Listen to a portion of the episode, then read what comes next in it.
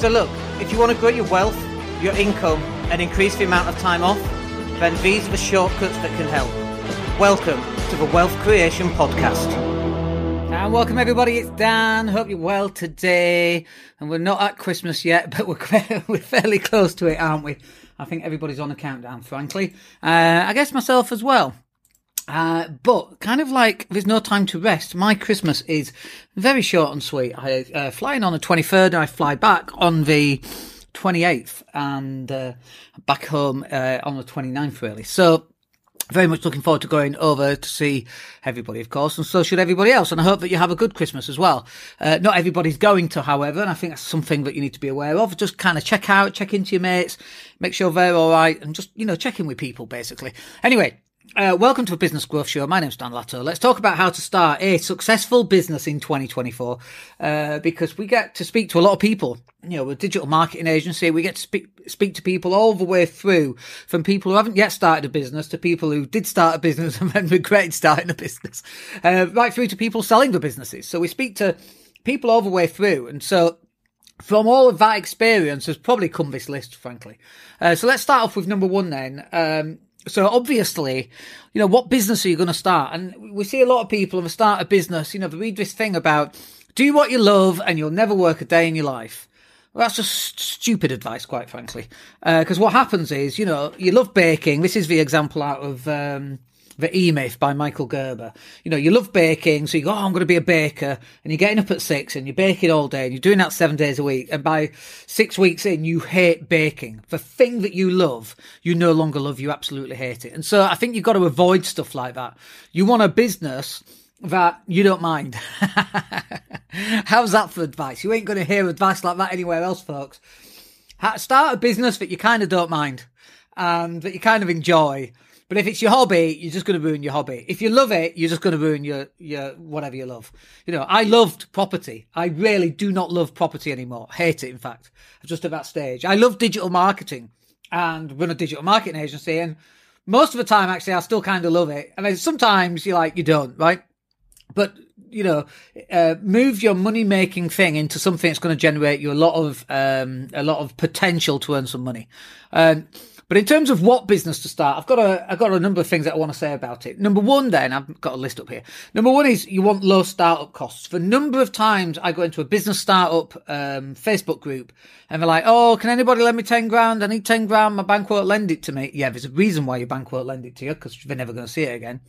I need 10 grand. And then it's like, well, what, what do you need 10 grand for? Oh, I need to buy stock. It's, um, let's pick a really uh, random one. Children's clothing. Let's pick children's clothing, which can actually be very um, um, uh, profitable. But oh yeah, I need I need to buy ten thousand t-shirts at a pound each, whatever, right?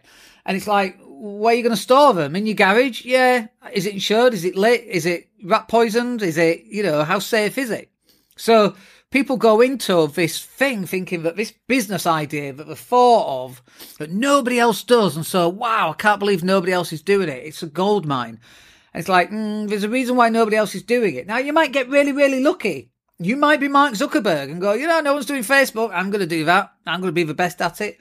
The chances are that's probably not going to be true. However, you may feel about your own abilities. And obviously, we all think we're amazing at what we do, right? We're all supermen. We're all totally amazing. We are never wrong ever. And we might think that, but usually that's probably not quite accurate. So keep your startup costs as low as you can. The second one then is kind of similar, but it's about low inventory. We just use the example of the t-shirts. Yeah, well, in order to make this profitable, I need to go and buy a, hundred tables at a hundred pounds each. There's your ten grand, I think, if my maths works. And it's like, well, where are you going to store them, first of all? And then what if you only sell five of those hundred? You've got all this money sat there in stock. Stock depreciates over time, by the way. Learned that when I used to work at Dell. One of Dell's differences between Dell and Compaq at the time was that Dell used just-in-time delivery, whereas Compaq could have a machine on the shelf for six months. Bit different because it's technology and it goes out of date, but it's it's kind of similar for you. Who's who's going to look after your stock? And all that money is completely dead money like, it's not earning you anything. You might as well stick it in a bank and get 5%, if you can get 5% in a bank, but you might as well stick it somewhere and get 5%. You don't want to be, um, st- uh, stocking up on high inventory and then have a problem where you've now got all this stock and it's last year's stock. And now you need another 10 grand for this year's stock. It's a crazy, crazy idea. We see it time in, time out. And when we challenge people, we always get the same answer, by the way. And we've actually stopped challenging people. And the same answer is, Oh, you don't understand my business. It's like, dude, we totally understand your business. We've dealt with people in industries like this. You know, I mean, one of our clients is a sheep shearer, for God's sake. We, we deal with people in all sorts of different, which is really cool as well, by the way. But we deal with people in all sorts of industries. And when you go, oh, you don't know my industry, yeah, we pretty much do, uh, frankly. There's very little to differentiate between one industry and another industry. And so ideally, you actually want zero startup costs. You know, if you go, okay, I'm going to be, um, I don't know, I'm going to buy and sell tables. Brilliant have you got a supplier for tables? Yeah. So ask them to use their product images. Create yourself a website. You don't have to spend any money. You know, you can create a crap one for free. Obviously, you don't want a crap one, but you can if you want it, right? You don't have to um, even have a website. You could just start selling on something like Facebook for your tables, and then when you sell one, you just you you you know you take the money and then you buy the table and then you ship it out. That's we started uh, uh, furniture packages business doing just that. And so we would take the order and then we would get an order and we would be like, oh, heck, now we need to go and find where to, where, you know, have we got it in stock? How do we get it from there to, to the customer? You know, we went through all that. So you want uh, zero costs if you can. Those businesses exist, like our digital marketing affiliate scheme. You know, if you you just go to a networking event, or you go knocking on doors, or you go hang out with business people, you go, you need a website. Speak to my mate Dan. Let me introduce you. You earn twenty percent off that. Zero startup cost for a business like that. It's a really cool business to start. And then the other question is, uh, do you want a repeat income or is it a one-off? So if you're selling a table, that's it. You've you've sold them a table. Maybe you can sell them a chair and something, you know, another table or something like that. Or if you said to them, look, uh, you can buy this table. It's three hundred pounds, but if you pay three pounds a week, uh, which is 156, 159 pounds, um, over three years, uh, and then after three years, we'll come in and we'll get you a brand new table. You just keep repeating until you get a, a, new table every three years. This is how car manufacturers do it. This is actually how we do it in our uh, digital marketing agency. So we have repeat customers. So as we head into January, we're already in profit. And then anything else that comes in on top of that is just profit. So we're, you know, it's taken us a while to get there, but we're in a very fortunate position to be able to do that. Whereas if we were just a uh, website design company, we would constantly have to be selling websites in order to break even. And that gets really tiring very, very quickly. So ideally, in an ideal world, you want a mixture of both. So you have small regular incomes, and it comes into your bank account regularly. If I look at my spreadsheet and I see all the income coming in, you know, 15 quid here, 10 quid there, 35 quid there. We have all these little and then, do you like my example there? And then we have uh, bigger ones, you know, £500, £1,250, £1,750. They come in every single month. They're the much bigger ones, take a lot more work to fulfill and so on. And then every so often we'll sell a website. So we sold a website last week for £500. We sold one in the same week actually for £1,000. Depends what the product and service is and so on. Depends, you know, how complicated the website is. Um, but we have a mixture of uh, repeat income and one offs. And ideally, that's what an ideal uh, business structure would look like for you as well. So how do you grow a business? It's all like creating a business and maybe you've not got any customers yet. Um, or maybe you have got customers, but now you're looking to expand the business in 2024. Well, how do you do that? And really, I think it comes down to three things, right? So the first thing is you need to have um, digital marketing, uh, like is number one. Like we live in a digital age, and as much as you might say, "Oh no, I don't want to do digital marketing," as much as you might want to say that we've always done direct mail, that's really what digital marketing is. It's just a form of direct mail. It's just not paper. It's it's media. It's digital media. You know, it's a Facebook ad or it's a podcast or it's a live like this or it's a short video or whatever that happens to be. But you're going to have to get digital marketing in place. Let me put my phone on silent um, yeah, you're going to have to put your heart and soul into generating content for 2024 because that is where your customers live. They're living in LinkedIn and TikTok and Instagram and Facebook and Twitter, less Twitter. Um, and then whatever else comes through, if you're living in YouTube, they're living on iTunes, they're living on Spotify and on Amazon. This is where they are. And in marketing, there's a phrase that says fish where the fish are, and the fish are on digital marketing. And if you're not doing that, then you're going to have to move your business towards actually doing that. Next one then is you're going to have to meet people. Like, it's fine me, you know, doing all the digital marketing stuff, and we've definitely moved on on the platforms for that since the pandemic. And there's a big reliance on just content.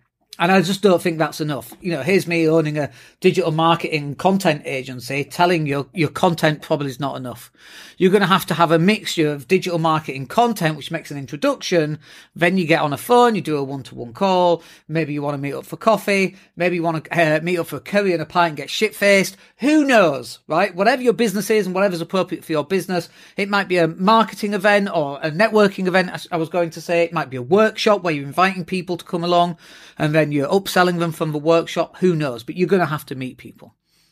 Then you're going to have to have uh, the third part on this is what we would call like uh, an initial offer that actually really helps people. So for us, we give away the strategy sessions. They work really well. Uh, they get 15 minutes. And if we, you know, if, if it's something that we think we can take forward, we'll either get longer for 45 minutes or we'll reschedule a call if they haven't got the time. So they come on a call. We look at, okay, what's going on in your business? And we can very quickly, by the way, spot the gaps because we're like, oh, this, this, this, this. What's that doing here? Why have you got that? This doesn't work. You know, that doesn't work on your website. And we're like, oh, no, I didn't know that do work. So we're very good at that. And then we're also very good at coming up and going, oh, no, no, no, you need to do this, this, this, this, and this. And then they scribble it down sometimes, and then they go off and then they try and implement it themselves. And it, invariably, it just doesn't work. It's like going to a mechanic and a mechanic telling you, "Oh yeah, you need um, you need a new head gasket," and then you go on YouTube and you try and watch how to replace a head gasket. It's just never going to work, right? You're just going to cause more problems than you're actually going to solve. But you have to have an initial offer uh, for people to take interest in you and your business. Uh, next up, then, is that you need to start small and you need to build up. And what we mean by that is you don't need 10 customers. You don't need 100 customers. And you might be going, yeah, Dan, of course I need 100 customers. And you're right. Of course you need 100 customers. So why have I said you don't need them? Because you only need one. And when you got one, you go out and you get another one. And when you got another one, like, uh, ad, ad hominem, ad infinitum, actually. My line's non-existent, making it up. So ad infinitum, you find one customer and you service that customer really well. And then when you service that customer, obviously you should have your marketing going out all at the same time, but then you go and find another customer. You're just replicating what you're doing. And you have to start small. You have to find your first client. And if you can find your first client, then you can find a second, third, fourth, fifth, sixth, all the way up to 100 and all the way up to 1,000. If you cannot find your first client, there is a problem. And chances are there's a problem with your business model. There's a problem with your product, problem with your service, problem with you, problem with the business. Nobody's selling any of it. Maybe, or maybe loads of people are selling it, in which case it, it is a problem with you, right? It's your sales technique. You're focusing on the wrong clients. Who knows? That's why you should book a strategy call with us. We'll, we'll help you tell you. Uh, but you got to start small and then build up. And then just finally on this, it's about planning. You know, the amount of planning that I put into my business is significant. I do it every single morning. And so we've got what? We've got five different things I want you to think about in terms of planning. So number one then is forecasting cash flow. You've got to understand that in three months time, it's going to be whatever month it is and you've got all these bills coming in, or it's going to be Christmas in 12 months time and the business will dip in Christmas. So you need to get ahead of yourself. And if you can't get ahead of yourself, your business is going to fail at Christmas, right? Or it might be that biz- uh, business at Christmas is your busiest time. Okay, so when's your quietest time then? Oh, summer months are my quietest time. Okay, so um, now you have to understand the ebb and flow of your business and use ca- some cash flow forecasting to get ahead of the game. Now, again, we do this very well in my business because one, I do it every single day, but two, because we have repeat income coming in, my cash flow forecast is a little bit easier because we know that generally guaranteed we're going to have X amount of income every single month. Now, we might lose clients between now and then. In which case we have to replace that income. But at least we can put that onto our cash flow forecast and go, you know, if we take on one client a month, this is what our business will look like in 12 months time. And so you can then uh, really start looking forward and forecasting as to what's going to happen in your business. And then the next one I think is that you need really to have some goals for your content output. So what are you going to do? Are you going to do three lives a week? Normally we do five. I think we've done uh, two or three this week. We're a little bit slow. It's, uh, I don't even know what day it is. Is it Wednesday today or Tuesday?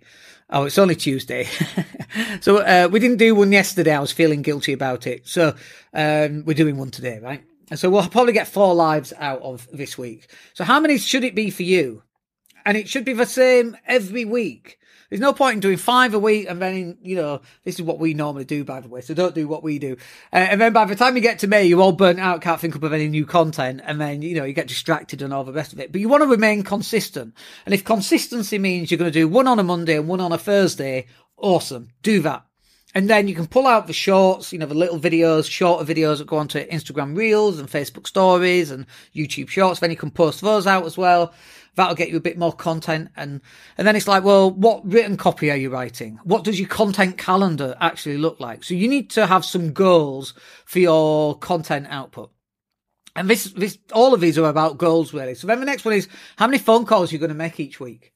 Like you should have an outbound reach for people. So you, it doesn't have to be cold calling. You could go to networking events and meet people and then follow up with a phone call explaining how nice it was to meet them, what an interesting business they've got, wish them well for 2024. Uh, we were talking about digital marketing and that that's something you need a hand with. Should we schedule a call? So then you're just starting to follow up here. And then in turn, these are kind of linked. Then you get it's like, well, how many meetings are you going to have per week or per month? And that could be a physical face to face meeting from the phone calls you've just made. Uh, and you're generating phone calls um, because of a content output, right? So you see how all this kind of ties into one. And then you're actually going to go and have meetings, might be face to face, or it might be like this, might be a, like a, a virtual call, like a Zoom call or a Skype call. God, people still use Skype. Someone asked me last week, can you go on Skype? I'm like, goodness me, are we living in 2009 or something? Uh, people still use Skype. Um, but then it's about, you know, how many meetings can you get? And if, can you get five meetings a month? And would that, would that help translate into actual cash flow? Because then the final goal here is, um, goals for cash flow. How much cash flow do you want to earn every single week? How much cash do you need every single month? What's realistic? You know, your bills might be four grand, but you just started. Can you get a grand? Which then means your bills are only three grand outstanding. And then next month, can you get two grand? So then you've only got two grand's worth of bills outstanding. What does that look like? And then that again ties in really nicely to the cash flow forecasting that you're going to do for the next 12 months. That is why planning is absolutely key. All right. I hope you find that useful. Uh, we'll catch up with you in tomorrow's session. Have a wicked day. My name's Dan Latto. Take care. Hey, it's Dan here. Thank you for listening. Really appreciate each and every one of you. Please click like or subscribe to the entire podcast.